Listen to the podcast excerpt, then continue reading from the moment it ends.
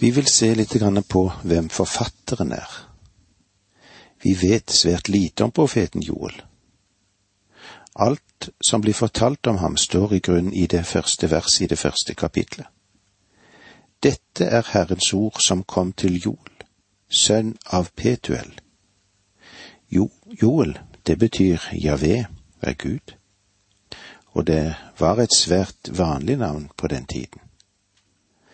Det er de som har trukket den slutning at profeten Joel var sønn av Samuel, fordi det i første Samuel åtte en står det slik, da Samuel ble gammel, satte han sine sønner til dommer i Israel. Den eldste heter Joel. Men eh, dersom vi leser videre, så står det i neste vers. Men sønnene fulgte ikke i hans fotspor, de søkte urett vinning tok imot bestikkelser og fordreide retten. Samuels sønn kunne ikke ha vært den samme som profeten Joel. Så er det spørsmål hvilken tid var dette, hvilken tidsepoke? Vi kan være helt sikre på at Joel profeterte i Jerusalem og i området rundt Jerusalem. Igjen og igjen i sine profetier refererer han til Herrens hus. For eksempel står det i Joel 1,9. Grødeoffer og drikkeoffer blir borte fra Herrens hus. Prestene, Herrens tjenere, sørger. Han nevner også Jerusalem i Joel 3,25. Men i Juda skal det alltid bo folk, og Jerusalem skal slekt følge slekt. Og går vi tilbake til Joel 3,22, så leser vi der. Dere skal få sanne at jeg er Herren deres Gud, som bor på Sion, mitt hellige fjell. Jerusalem skal være et hellig sted, der skal fremmede aldri mer komme inn. Og derfor vet vi at denne mannen var en profet i Sydriket, i Juda. Joel profeterte som en av de tidligere profetene. Faktisk har det vært ganske mange profeter, i, i det minste et femtitall. Og det er vel en generell enighet om Joel profeterte ved siden av Joash da han regjerte, og kongen i Juda. Det vil i tilfelle bety at han var samtidig med de som gikk under navnet Elia og Elisha. Joels bok er eh, så den hebraiske som i den kirkelige kanon plassert umiddelbart etter Hosea sin bok, mens den i Septuagintia kommer som den fjerde i rekken, altså av de små profetbøkene som vi har. Vi kjenner som sagt lite til Joels livshistorie, ja, bortsett fra de opplysningene da at han var sønn av en til dels ukjent mann som hadde navnet Petuel. Profeten må imidlertid ha vært fra Juda, der dette vitner de mange trekk om i den boken som han har skrevet, og som vi skal gå igjennom. Her finner vi navnet som Sion, Jerusalem og Juda. Boken er også rettet til Sydriket. Utgangspunktet for Jols profetier er en gresshoppplage.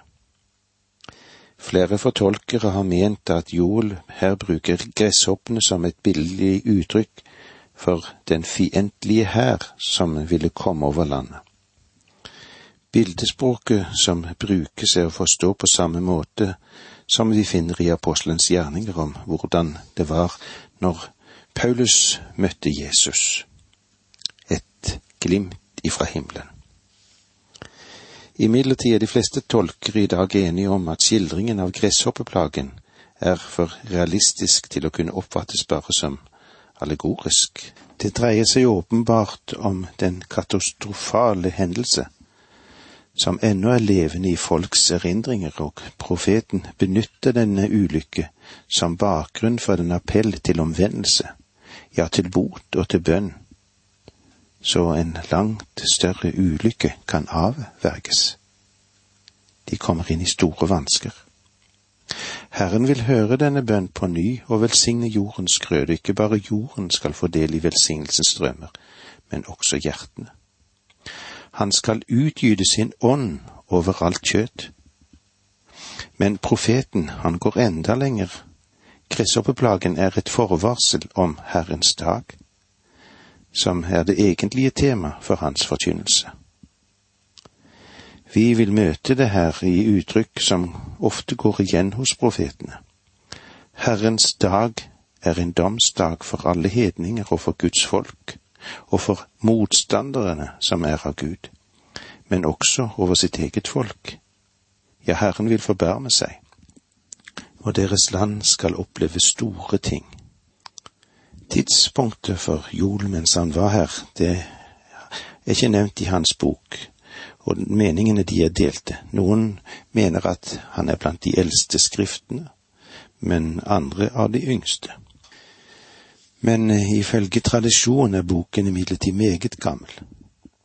Muligens det eldste av alle profetiskrifter. Jolsboken den regnes for en av De gamle testamentets litterære perler, det. Språk og stilen tilhører en klassisk periode i den hebraiske litteratur. Ved siden av Jol synes det Amos òg å være en av de profetene som har noe å si oss på en spesiell måte. Esaias og Mika, Esekiel og Sakarias. Ja, de synes det å være, alle disse, å være påvirket av Jols bok. Vi finner òg noe av disse tankene igjen, og de bildene som brukes i Jolsboken i Det nye testamentet, både i romerbrevet og i åpenbaringen og på pinsedag gikk Peter ut fra Jols profeti om åndsutgytelsen, da han holdt den store tale for folk i Jerusalem. Pinseunderet var, var den første oppfyllelse av denne profeti. Temaet for denne boken, og Jols tema må vi kunne si er på denne måten, Herrens dag. Han hentyder det i alt fem ganger. Kapittel én vers 15. Ved oss for en dag, ja, nær er Herrens dag, den kommer med ødeleggelse fra den allmektige. Kapittel to, vers 1 og 2. Blås i horn på Sion, løft rop på mitt hellige fjell, så alle i landet skjelver av redsel, for Herrens dag er nær, den kommer. En dag med mulm og mørke en dag med skyer og skodde. Det kommer et stort og mektig folk og brer seg som morgenrøden på fjellet. Det har aldri hatt sin like og skal heller ikke få det, fra slekt til slekt i alle år. Og i vers elleve, Herren løfter sin røst foran den fylkning han fører. For veldig er hans hær, og tallrike de som lyder Hans ord. Ja, stor og skremmende er Herrens dag. Hvem kan holde den ut? Og eh, vers fire i kapittel tre. Solen forvandles og den formørkes, og månen blir som blod, før Herrens dag kommer, den store og skremmende. Og i vers 19 i kapittel tre det er et mylder og ståk i avgjørelsens dal. Herrens dag er nær, i avgjørelsens dal. Det var det som Joel hadde med seg, men noe av det samme kan vi finne igjen i Jesaja, i Jeremia, i Esekiel og i Daniel. De refererer alle sammen til Herrens dag. Noen ganger kaller de den den dagen. Zakaria han understreker spesielt den dagen. Hva er den dagen? Det er Herrens dag, eller Javes dag. Det er Joel som introduserer Herrens dagen i profetiene. Fra sin fjelltopp ved begynnelsen av de skrevne profetier, så denne mannen ned gjennom århundrenes bueganger, han så lengre enn noen annen profet. Han så hen til Herrens dag. Herrens dag er et teknisk uttrykk i Skriften som er spekket med mening. Det inkluderer både tusenårsriket som vil komme ved Kristi ankomme, men Jol kommer til å gjøre det helt klart for oss at den begynner ved den store trengsel.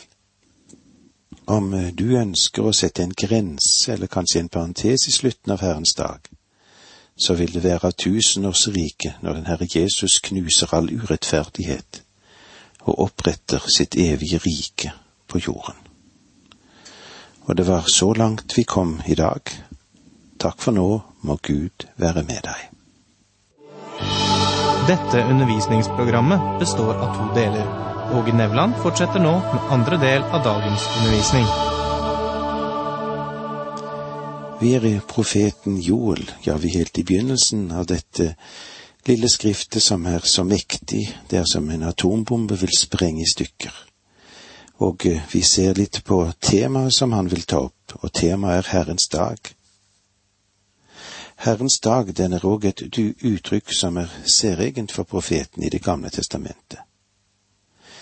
Den inneholder ikke den perioden når menigheten er i verden for ingen av profetene talte om en gruppe mennesker som skulle kalles ut blant hedningene, blant Israels folk og alle stammene på jorden, for så føres sammen til et legeme kalt kirken, eller menigheten, som skulle rykkes bort fra verden.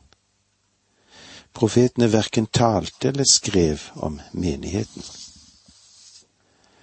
Ved det store apostelmøtet i Jerusalem så skisserte Jakob i lange streker forholdet mellom menighetens tidsalder og den periode som er kjent som Herrens dag. Han sa det slik. Simon har forklart hvorledes Gud for lenge siden sørget for å vinne seg et folk av hedninger som skal ære hans navn. Og dette stemmer med profetens ord, slik det står skrevet. Deretter vil jeg komme tilbake og gjenreise Davids falne hytte. Det som er revet ned, skal jeg bygge opp, jeg reiser det på ny, står det i, i Apostelens gjerninger 15 vers 14 og 16. Jakob sier etter dette. Etter hva? Etter det han kaller menigheten ut fra denne verden. Og da vil Gud igjen ta opp sitt program angående Israel og det er til den tid at Herrens dag refererer seg til. Jakob fortsatte med å si, for at resten av menneskene skal søke Herren, alle folkeslag som mitt navn er nevnt over. Så sier Herren, han som gjør dette, det står i vers 17 i Apostelens hjerne, kapittel 15. En dag kaller Gud ut et folk blant hedningene. Ved den dag, vel ved den tid, vil alle hedninger som vil gå inn i riket, søke Herren. Jeg tror at det vil bli en veldig strøm som søker Gud ved denne tiden.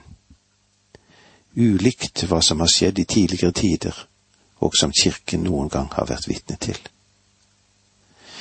Noen kan selvfølgelig stille spørsmålet hvorfor følger Gud dette programmet? Jakob sa så sier Herren, Han som gjør dette, det som er kjent fra evighet av. Versene 17 og 18 i apostelens gjerninger. Husk på at vi er nå på det store apostelmøtet. Spør ikke meg hvorfor Gud følger dette programmet. Spør ham. For jeg vet ikke, og jeg tror heller ikke at noen andre vet om dette. Han følger dette programmet fordi det er hans program og du vet, det er jo hans univers. Han står ikke ansvarlig overfor deg eller meg. Gud sender ikke en rapport ved slutten av uken for å forklare hva han har gjort for å få godkjenning. Jeg må bare si at det er høyst beklagelig om du ikke liker å se det slik, for vi har ikke noe annet, og er ikke noe annet enn skapning her nede i denne verden. Og det er Han som er skaperen. Det er Gud som har skapt oss. Så vil vi se på noen særlige kjennetegn da i profeten Joel. Og det er flere spesielle kjennetegn angående Joels profetier som jeg vil få lov til å peke på.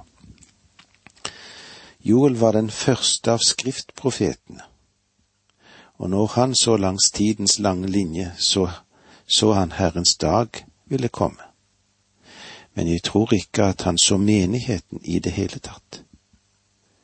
Ingen av profetene gir til kjenne at de vet det. Da den Herre Jesus sto opp på Oljeberget, så kom det menn til ham som var meget skolert angående Det gamle testamentet, og de stilte han dette spørsmålet. Hva er tegnet på denne tidens ende? Herren nevnte ikke sitt kors den gangen. Han fortalte dem ikke om Den hellige ånds komme. Han fortalte dem heller ikke om menighetens tidshusholdning, og han nevnte heller ikke bortrykkelsen for dem. I stedet førte Herren dem tilbake til begynnelsen av Herrens dag. Han daterte den, men den står ikke hverken på din eller min kalender.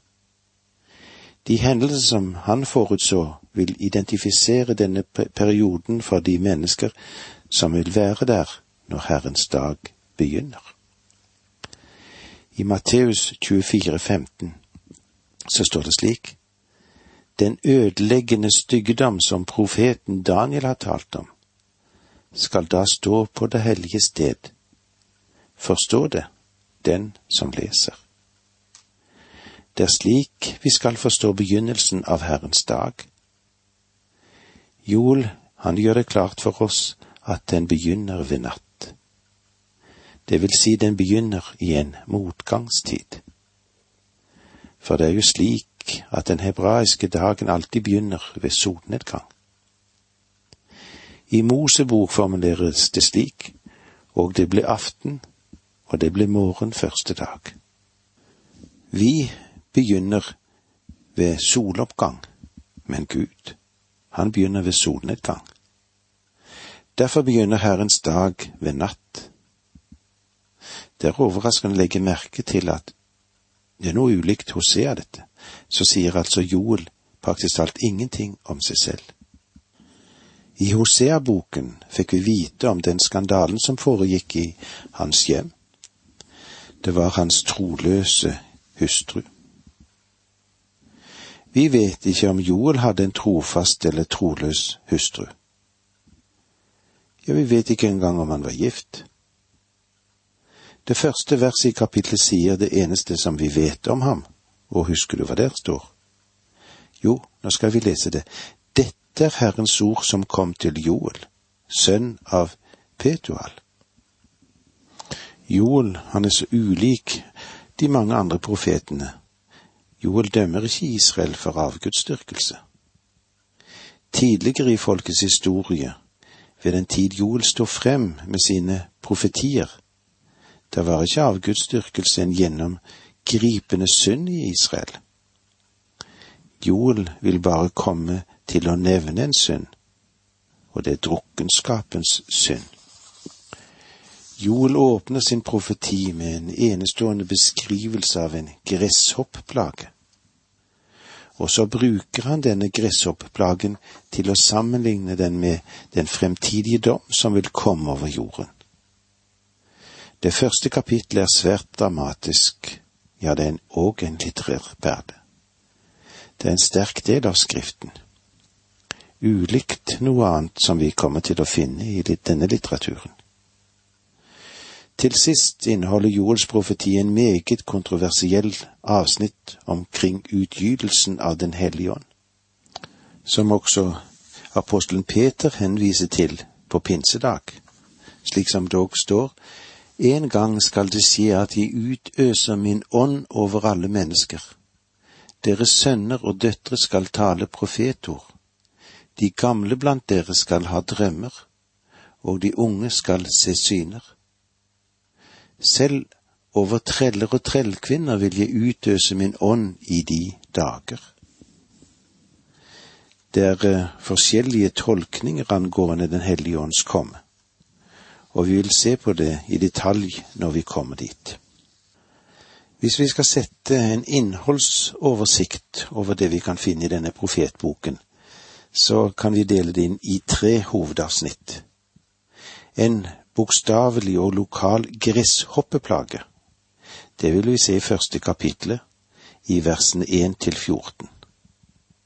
Det andre avsnittet, eller oversikt, et blikk mot Herrens dag, et preludium. Det er i kapitlene 1 fra vers 15 til kapittel 2 til vers 32. Og det tredje, Et blikk på Herrens dag, postludium.